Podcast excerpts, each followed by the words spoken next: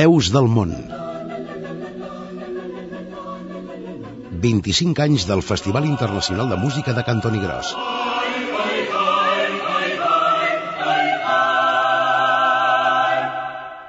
Amb Anna Jové i Albert Torrents. Agraïm la vostra atenció a l'hora de començar un nou capítol de Veus del Món, el programa que repassa, recorda i explica tot tipus d'aspectes a l'entorn del Festival Internacional de Música de Cantoni Gros aquest any, que l'esdeveniment compleix 25 anys. Un programa que fem possible des del control tècnic Dani Jiménez i Eduard Arnàs i des de la redacció i al davant dels micròfons Anna Jové i Albert Torrents. Avui dedicarem el nostre espai a parlar d'un col·lectiu bàsic per la bona marxa del Festival de Cantoni Gros, un grup de persones necessàries no només perquè el certamen es pugui celebrar, sinó perquè sigui un èxit. Des de la primera edició, moltes persones, empreses i institucions han confiat en el projecte de Cantoni Gros i han donat el suport econòmic que cal per fer-lo possible. I és que el festival, constituït en associació cultural reconeguda i sense ànim de lucre, està patrocinat per empreses privades i compta amb el suport de les institucions públiques espanyoles, com el Ministeri de Cultura, i catalanes, com la Generalitat de Catalunya, la Diputació de Barcelona i diversos ajuntaments de l'entorn de Cantoni Gros, entre d'altres. música,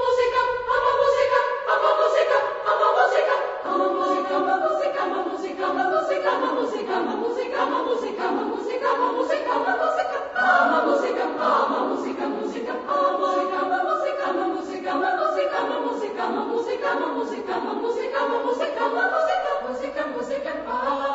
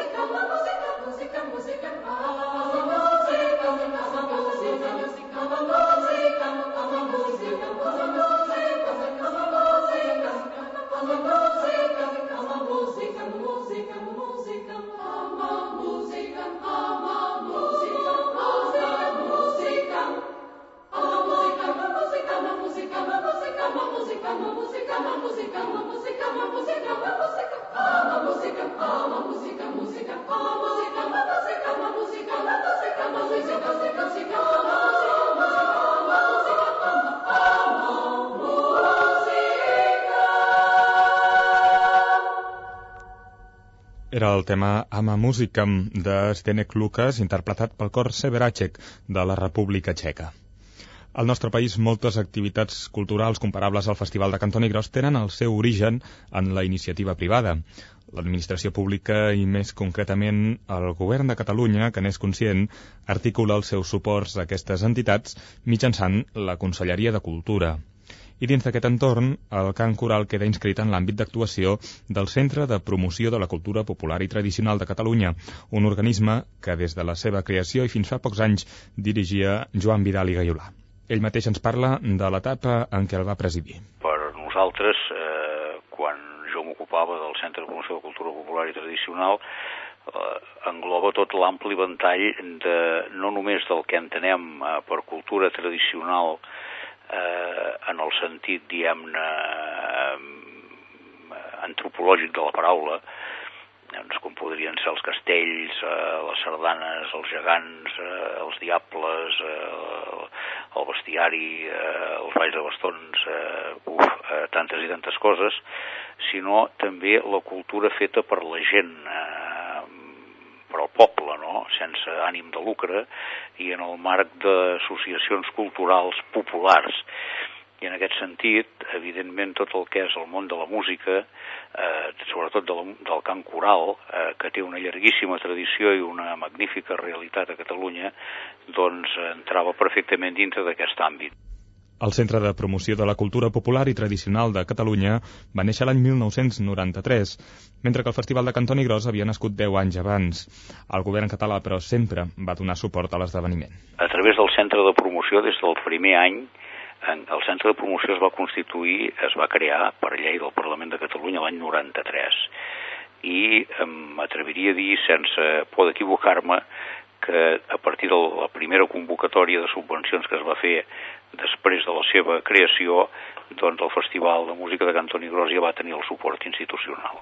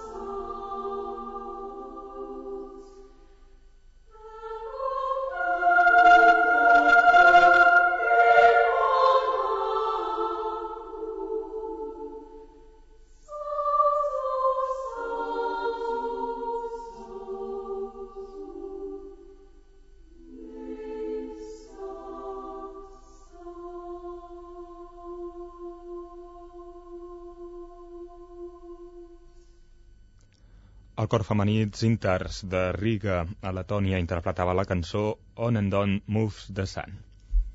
En l'àmbit de la iniciativa privada, el Festival de Cantoni Gros també compta avui dia amb el suport d'una quinzena d'empreses que expressen el seu ajut en forma d'aportacions econòmiques o d'altre tipus de beneficis.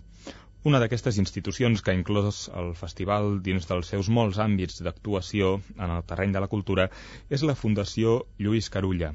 El seu director és Carles Duarte. La Fundació Lluís Carulla, de fet, va néixer eh, l'any 1973 com a fruit d'una convicció que mm, el senyor Lluís Carulla i la senyora Maria Font, que al capdavall diguem va ser una iniciativa compartida com tantes altres coses en la seva trajectòria vital i professional, van entendre que eh, des de la societat civil eh, s'havia de fer un pas des del punt de vista de la implicació eh, i del suport a la cultura catalana. En els últims anys del règim franquista, mentre la repressió imposava un gran silenci públic a la llengua i la cultura catalanes, la Fundació Lluís Carulla va posar en marxa iniciatives com la publicació de les seves Nadales, els Premis Valdir i Reixac, el Premi d'Honor de les Lletres Catalanes, l'assumpció de l'activitat de l'editorial Barsino o, més modernament, la creació del Museu de la Vida Rural a l'antiga Casa Pairal de la família Carulla. Iniciatives totes que han tingut una repercussió social positiva i que han pretès sempre, en tot cas, mantenir viva la identitat nacional catalana. Englobat dins d'aquests plantejaments, el Festival de Cantoni Gros no ha estat l'única iniciativa musical que ha rebut el suport de la Fundació Lluís Carulla el món de la música sempre ha estat un món que ha suscitat l'interès i l'atenció de la família Carulla.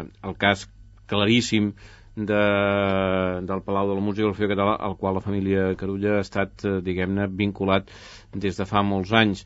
El concurs Maria Canals, i podria donar molts altres exemples, diguem-ne, d'implicació de la família Carulla en el món de la música. La música mm, de, és un element fonamental des del punt de vista mm, de l'educació en la sensibilitat, no? de l'enlairament eh, cultural i, i cívic eh, del país. No? La, la música ens du més enllà de nosaltres mateixos, ens permet d'entendre de, i d'interpretar d'una manera molt més profunda i molt més íntima les, les, les eh, emocions primordials de l'ésser humà. Però a més a més de tot això, en el nostre país hi ha un component d'identificació, un component d'arrelament de, de, que, eh, sens dubte, mm, diguem-ne, mm, des de la Fundació s'ha volgut reivindicar sempre. No? Eh, evidentment, pel que fa a la, a la gran eh, música de, dels grans compositors, dels grans intèrprets, però també des del punt de vista de la música popular.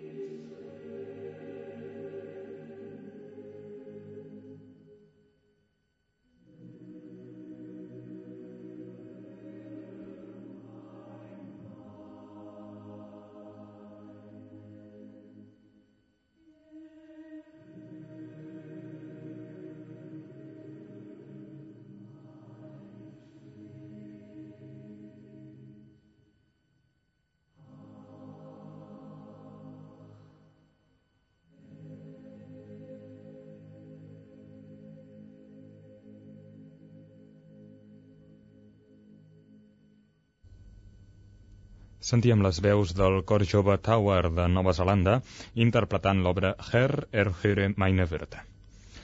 El suport de la Fundació Lluís Carulla, el Festival de Cantoni Gros, com el de la resta d'empreses i institucions de què avui estem parlant, s'expressa en forma d'una aportació econòmica, uns diners que enguany de manera especial es traduiran en alguna cosa ben visible. És una aportació econòmica que, que nosaltres hem anat fent en diverses edicions i que mm, en l'edició eh, d'enguany doncs, eh, anirà especialment destinada a l'edició del volum commemoratiu, no? perquè evidentment una efemèride com aquesta doncs, eh, justifica eh, l'edició eh, d'un volum on eh, recullin aspectes eh, bàsics de la seva història no? i per tant diguem-ne en, en aquesta ocasió eh, l'aportació econòmica que fa la, la Fundació té aquest eh, propòsit concret no? Però en tot cas, diguem-ne, neix des d'aquesta convicció que jo abans eh, expressava de, de reconeixement de la, de la gran feina cultural i humana que, que cada any du eh, i fa la, la, el festival. No? No cal dir que en l'edició d'aquest volum commemoratiu del 25è aniversari del Festival de Cantoni Gros també hi prendran part altres entitats. Una d'elles és la Caixa de Manlleu. Com no podia ser d'altra manera, la principal entitat financera de la comarca d'Osona ha donat suport al festival des de la primera edició. Un suport que no només ha estat econòmic, ho explica Miquel Rovira, cap de comunicació de l'obra social de Caixa de Manlleu. Des inicis, com va començar el Festival aquest de Música, nosaltres com a Caixa Major, ser la Caixa d'aquí a la comarca d'Osona i fer-se el festival aquí, d'una manera o l'altra sempre hi hem col·laborat, potser doncs, eh, d'una manera econòmica a l'inici, i llavors a través de, de l'obra social que tenim l'Escola Familiar Agrària Quintanes, és, eh, és un centre del Departament de, de la Generalitat de Catalunya, i és clar, tots els alumnes que van doncs són temes del que estem dient, no familiar agrari, tema agrari. Doncs llavors l'estiu és la, la franja que queda lliure i ja des de l'inici una de les ordres de prioritat a la reserva ha estat sempre per, la, per el Festival de Cantoni, no? una mica doncs, per, per lo que és l'Associació la, del Festival Internacional aquest. Fem condicions especials i aquí actualment el que solen fer és hostatge doncs, o, o cors o, o grups de dansa i em sembla que el màxim que han arribat a fer ha estat unes 70 persones. Habitualment el que fan és eh, dormir esmorzar i llavors directament se'n van cap a Cantoni. El cas de Caixa Manlleu és un exemple de les moltes col·laboracions en forma d'espècies que rep el Festival de Cantoni Gros. L'escola familiar agrària Quintanes, de la qual parlava Miquel Rovira, està situada a les Masies de Voltregà, en un gran mas construït la segona meitat del segle XVIII, que actualment disposa de tot tipus d'instal·lacions, com camps d'esport, sales de jocs i una piscina, per fer l'estada confortable i de gran valor formatiu en l'aspecte convivencial d'una gran zona de jardins, està en una, una zona boscosa i muntanyosa, em sembla que té més de 150 hectàrees la finca, i és, és un indret d'aquests que ostres, meravellós, no? I, I és un medi rural, que el fet de protejar doncs, allà eh, diferents cors eh, o grups de dansa, bueno, de, jo penso que per ells els hi va molt bé.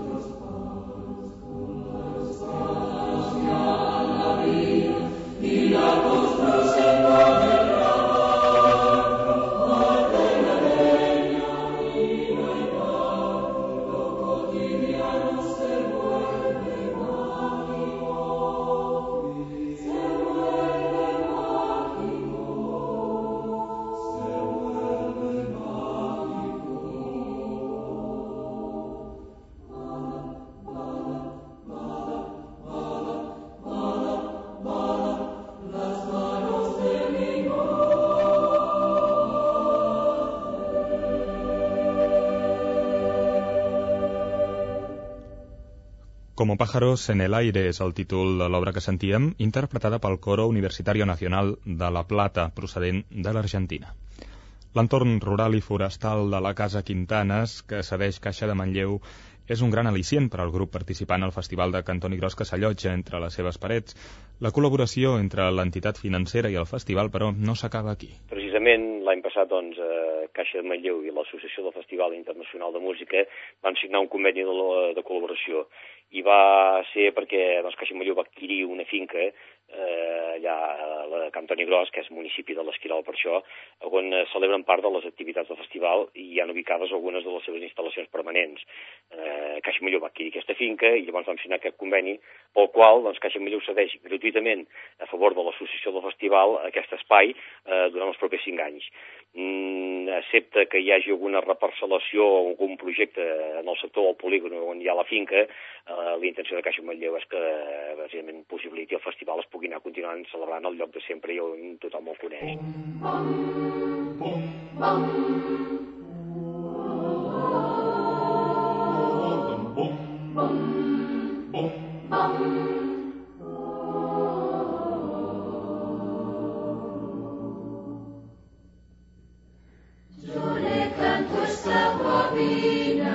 a mi tierra colombiana,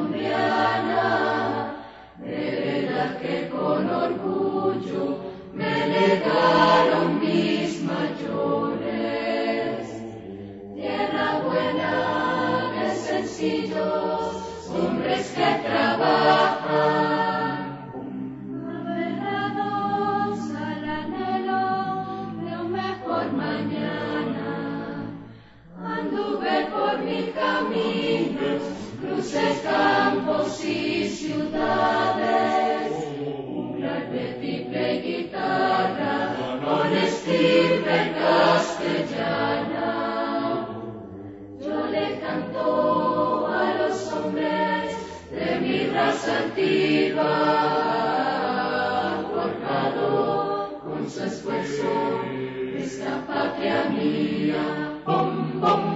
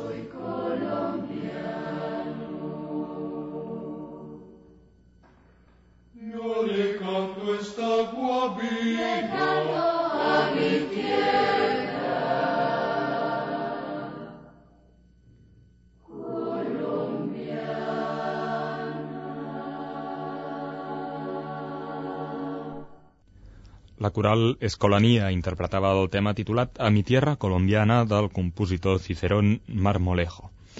Fins ara, al Veus del Món us hem estat explicant el suport econòmic que el Festival de Cantoni Gros rep d'empreses i institucions, però el certamen no només es nodreix d'això, també ho fa, evidentment, amb el treball desinteressat dels centenars de voluntaris que hi col·laboren cada any i, és clar, amb la suma de petites aportacions que ajuden a consolidar el projecte alhora que constitueixen un punt de trobada de persones amb interessos comuns. Els ajuts econòmics populars, procedents de persones particulars i anònimes que volen ajudar el festival en la mesura de les seves possibilitats, s'articulen a l'entorn de la figura que l'organització anomena Amic del Festival. Els amics del festival es divideixen en diverses categories segons si només volen ser simpatitzants, és a dir, que reben tota la informació i obtenen un descompte en les entrades, o col·laboradors, que satisfan una quota anual mínima de 50 euros i gaudeixen de majors i millors avantatges dins i fora del festival. Però per entendre millor la manera de funcionar i sobretot la motivació que impulsa tots aquells que són amics del festival, res millor que parlar-ne directament amb ells. Això és el que ha fet Anna Jové i el que resumeix el nostre reportatge d'avui.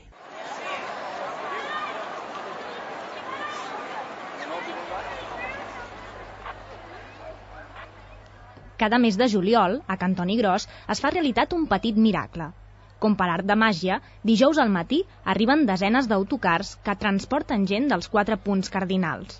Al campus, tot està llest, l'oficina en plena feina, el menjador a punt per oferir els primers dinars, la recepció en marxa, els enllaços dels pobles preparats, els voluntaris treballant, i a l'auditori ja sona l'himne.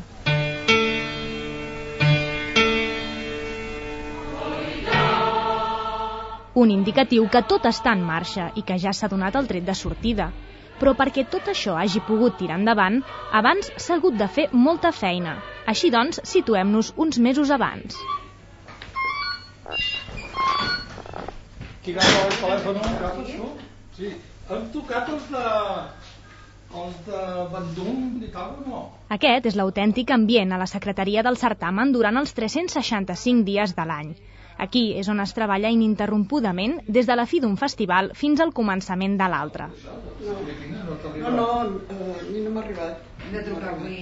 Com és lògic, parlar del Festival Internacional de Música de Cantoni Gros és parlar d'una gran infraestructura i, com a conseqüència, d'una gran quantitat de despeses. La infraestructura més important que tenim ara en el festival és el, el muntatge del que seria la carpa, que és l'escenari on es fan les actuacions, i també muntem una carpa relativament important, que és on fem el catering pels participants. Aquest cost cada any és aproximadament sobre uns 40.000 euros. Un altre cost molt important és l'allotjament de totes aquelles persones que no podem hostatjar en cases eh, familiars. Llavors, els allotjaments entre hotels, hostals, cases rurals, tota mena d'allotjaments que podem trobar per aquí a les comarques veïnes, ens anem entre uns 48.000 o 50.000 euros. Ens queden més despeses de funcionament del festival com són doncs, donar el menjar a tots els participants que ens venen. Hem de pensar que Cantoni Gros és un poble de prou feines 300 habitants i durant aquests quatre dies que dura el festival anem aproximadament uns 14.000 àpats. Això, que és un cost important, és aproximadament sobre uns 40.000 euros. Un altre aspecte important del cos és que molts grups que ens venen de fora d'Europa, quan ens arriben aquí a Catalunya, ens arriben via aèria. Llavors tenim un cos afegit que ens en fem responsables nosaltres, que és posar a disposició d'ells un autocar. Hem de contractar un servei d'autobusos que tant al matí com a la tarda els traslladin del poble a Cantoni, de Cantoni al poble. Això és un cost d'uns 10-12.000 euros. Després, una part ja menys important econòmicament, però sí moralment, és els premis que donem a la gent. Aquest apartat ens suposa sobre els 7.000 euros entre les cinc competicions, els quatre premis que donem a, a totes les competicions.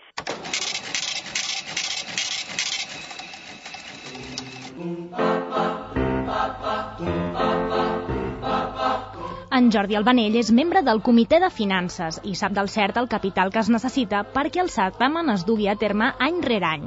Cal remarcar que el festival és una associació cultural sense ànim de lucre, que té el suport de les institucions públiques catalanes. Per tant, la recerca de capital privat i de patrocinis és essencial a l'hora d'alimentar les arques de l'organització. Nosaltres, de lo que és el pressupost eh, total que fem, aproximadament en xifres així rodones, entre un 60 i un 65%, eh, són ingressos que tenim a través de patrocinadors, eh, empreses col·laboradores, a través de venda d'entrades, venda de productes que fem. Hi ha moltes empreses que vas a part de fer un patrocini important econòmicament o no, això depèn de la dimensió de cada una, doncs a base de dir, mira, goita, jo part d'aquesta ajuda econòmica, doncs et puc facilitar, per exemple, menjar begudes, o es poden facilitar, per exemple, eh, sucs, i això, va, aquesta aportació que no és, diguem-ne, econòmica material, sí que ens baixa molt la despesa a l'hora de, de pagar aquests 40.000 euros que es costa el catering d'aquests 14.000 àpats.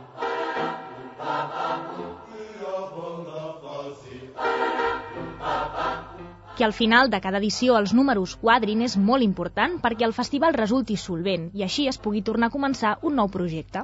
Quan comences a sumar gastos, costos per tot arreu, amb aquests últims 25 anys les despeses han pujat moltíssim, però també hem d'estar contents que el que és el suport privat, ja sigui a nivell d'amics del festival o amics de, ja siguin empreses patrocinadores, col·laboradores, amb tota mena d'aportacions és una, un gran suport per nosaltres. Amb els anys, l'únic que es va aconseguint és equilibrar. Gastem 100, ingressem 100, o ingressem 99, ingressem 101, no? Vull dir, el que es mira és que el que al principi, evidentment, cada any es tancava amb un dèficit important, doncs, clar, després de 25 anys, les institucions han respost bastant, hem tingut molta aportació privada que fa doncs, que aproximadament sempre tanquem el festival amb un balanç positiu de molt poc o negatiu que dius, bueno, aquestes petites pèrdues són assumibles i el festival de l'any següent doncs esperem recuperar-ho.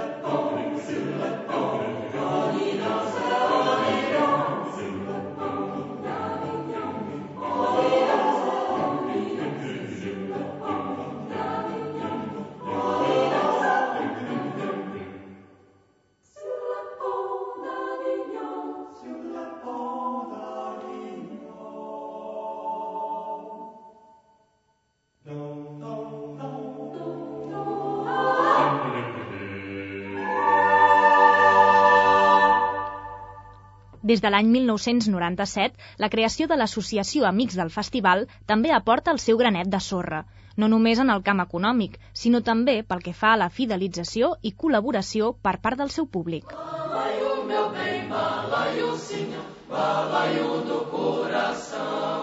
Se moça não tem o bordado cai no chão. L'Associació d'Amics del, del Festival pretén com a objectiu fonamental afirmar la col·laboració popular a la seva organització i donar un suport i una estabilitat econòmica per assegurar millores en el futur. Roser Sardà és membre de l'organització i una de les coordinadores d'Amics del Festival.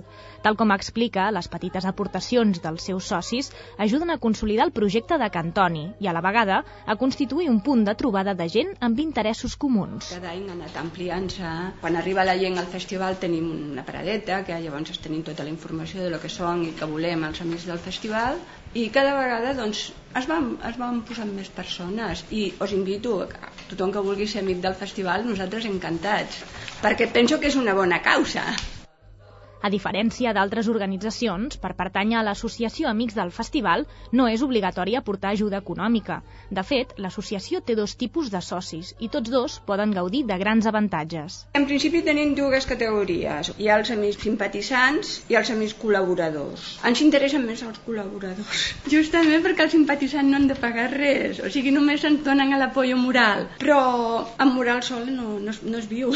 Els amics simpatitzants doncs, reben puntualment tota la informació del festival, totes les activitats que fem i tenen uns descomptes en les entrades d'un 20% en totes les, en totes les, els dies del festival. Els patrocinadors evidentment tenen a banda de d'entrades de, gratuïtes, o sigui se'ls envien un parell d'invitacions per la inauguració del festival i tenen descomptes la resta dels dies i després tenim una sèrie d'entitats de, que, bueno, que ofereixen uns descomptes i entre ells doncs, hi ha el Palau de la Música que fa un 10% de descompte amb els que són col·laboradors del Festival de Cantoni. La cadena de supermercat Bon Preu i Esclat fa bonificacions també amb els col·laboradors de Cantoni.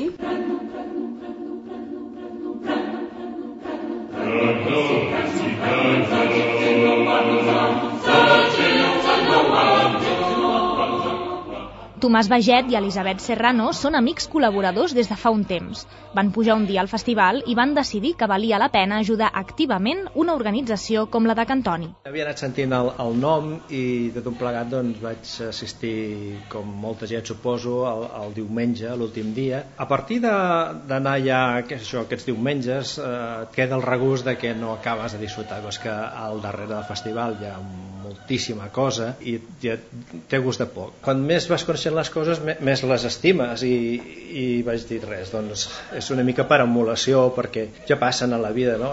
És el tal faràs, tal trobaràs o si et fan un favor doncs tu estàs més propici a fer-ne un altre i quan veus una cosa que hi ha una entrega total, tanta gent, tan ben fet, doncs vaig pensar, home, em sento obligat a fer alguna cosa, una contribució mínima. I vaig pensar, bueno, doncs com a mínim pagaré una quota per fer-me amic. Considero que si estimes una cosa pots participar al màxim i una manera de semblar que estava més al, al costat del festival era col·laborar una miqueta.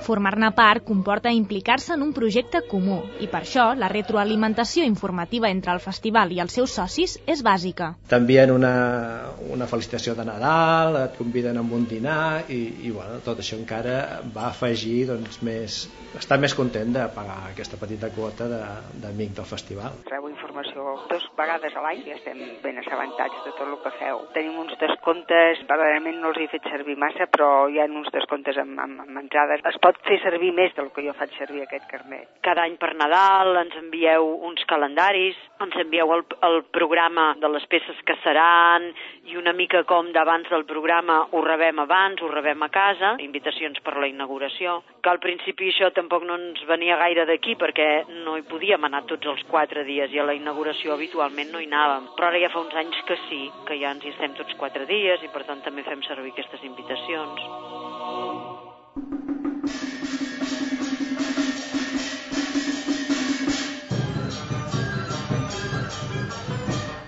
A casa de la família Pignatel i Vilageliu, el festival ja fa temps que es viu intensament. Cada estiu esperen amb il·lusió la inauguració d'un nou certamen per poder-hi assistir. El primer cop que hi van pujar es van quedar captivats i per això van decidir fer-se amics del festival. El festival el vam conèixer pel diari. Ai, mira, a Cantoni Gros fan aquest festival, aquests dies del juliol, això seria bonic d'anar-ho a veure. Vam pujar i ens va agradar molt i al marxar anàvem amb la nostra filla gran, que era molt petiteta, i vam dir, va, doncs eh, això és molt bonic, ens ha agradat molt i fem-nos amics del festival. Mercè Vilageliu és la mare de la família, però tal com explica, no és l'única abonada als amics del festival. Tres, mm, jo mateixa i les meves dues filles. L'Anna, que llavors era molt petiteta, ja dic em sembla que tenia un any o dos, i llavors, clar, a partir d'aquí cada any ens enviaven per la inauguració un parell d'entrades pels socis i quan la més petita va ser això, també ja se'n va començar a donar, va dir a mi com és que no me n'envien, no? Doncs, bueno, doncs tu també t'hi apuntarem si vols. La Maria és la petita de la casa i viu al festival amb il·lusió perquè la música és una de les seves grans aficions. Malgrat tenir només 7 anys, ja toca un parell d'instruments i té molt clar què és el que més li agrada de Cantoni. Jo el piano i el cello. A mi m'agraden més les danses. Jo me'n recordo d'una dansa de xinos. Era com si fes una tempesta i després fes sol i una mica així.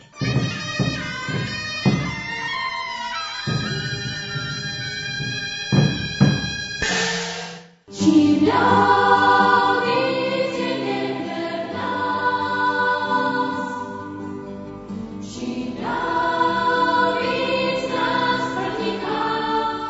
Descomptes, bonificacions, entrades gratuïtes, obsequis, informació puntual...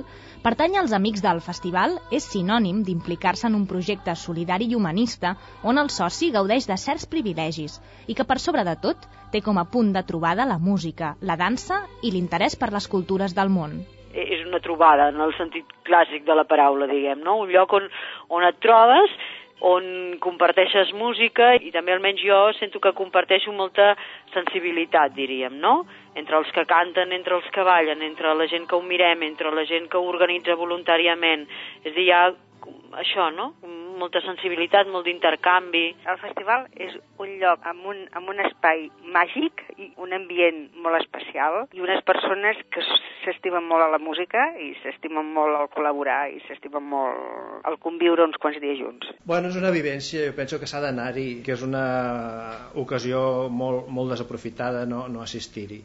Llavors estic molt content d'haver descobert aquest sistema meu d'agafar-me una setmana de vacances i dedicar-la al festival. I llavors és, és el que jo recomanaria a la gent perquè només anar-hi un, un diumenge és molt poc, només veus la punta de l'iceberg i en canvi poder estar allà, allotjar-te en algun hotel d'allà de la zona i poder anar assistint a totes les trobades i, i veure l'ambient inclús abans dels concerts, no cal, no cal simplement estar a l'hora del concert sinó estar per allà al campus i, i llegir un llibre per allà no? o, o, o, o mirar la gent com assaja i així, és molt bonic. I sap greu, sobretot sap greu que, que no s'aprofiti més a fons aquesta meravella que tenim a Catalunya.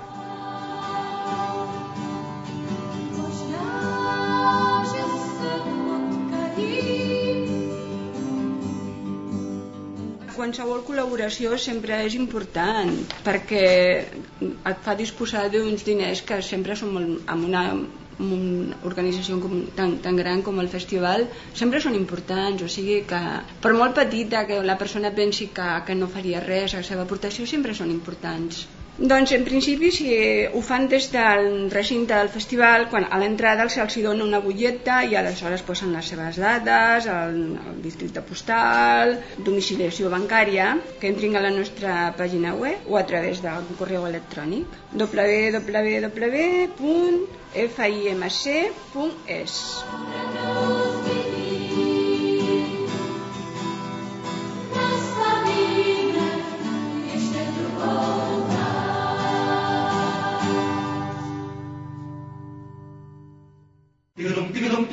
Veus del món. Un programa de Catalunya Música per celebrar el 25è aniversari del Festival Internacional de Música de Cantoni Gros.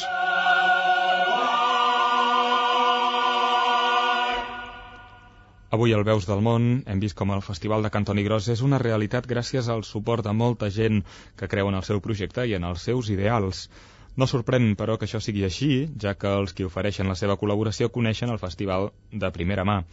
Carles Duarte, director de la Fundació Lluís Carulla. El món de la, del cant i el món de la dansa tenen, en el cas del Festival de Cantoni Gros, una plataforma extraordinària.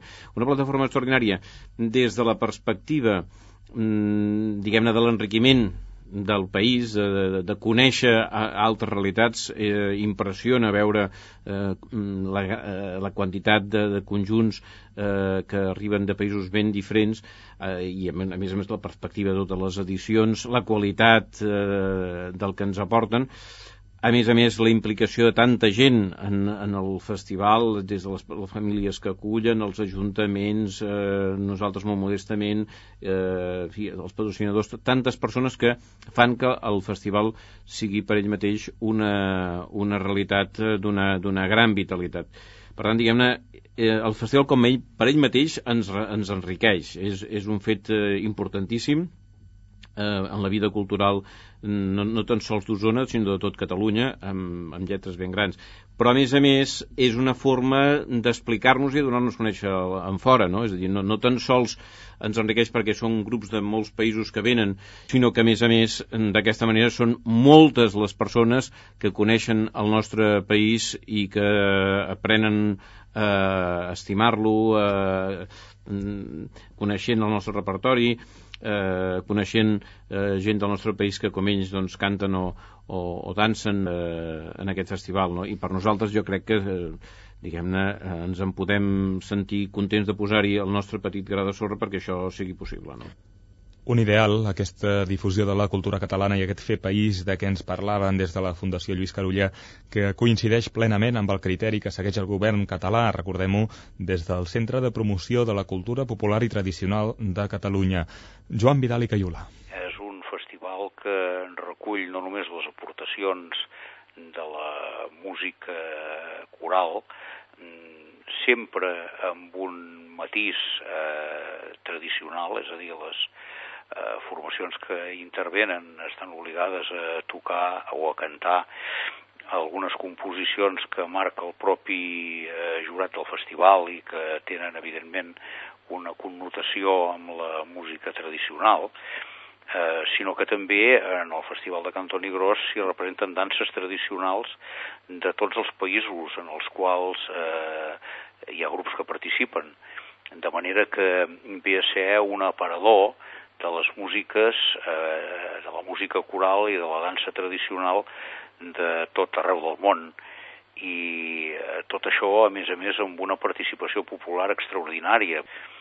I això ens ha semblat que tenia un valor afegit importantíssim que valia la pena recolzar.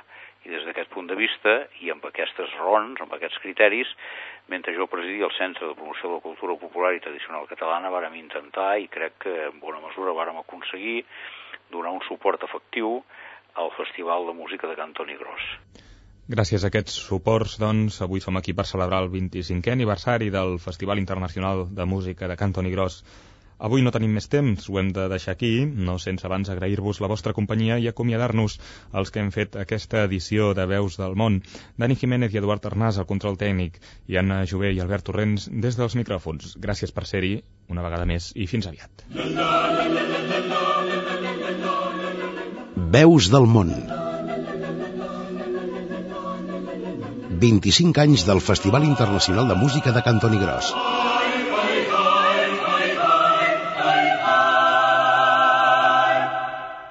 Amb Anna Jové i Albert Torrents.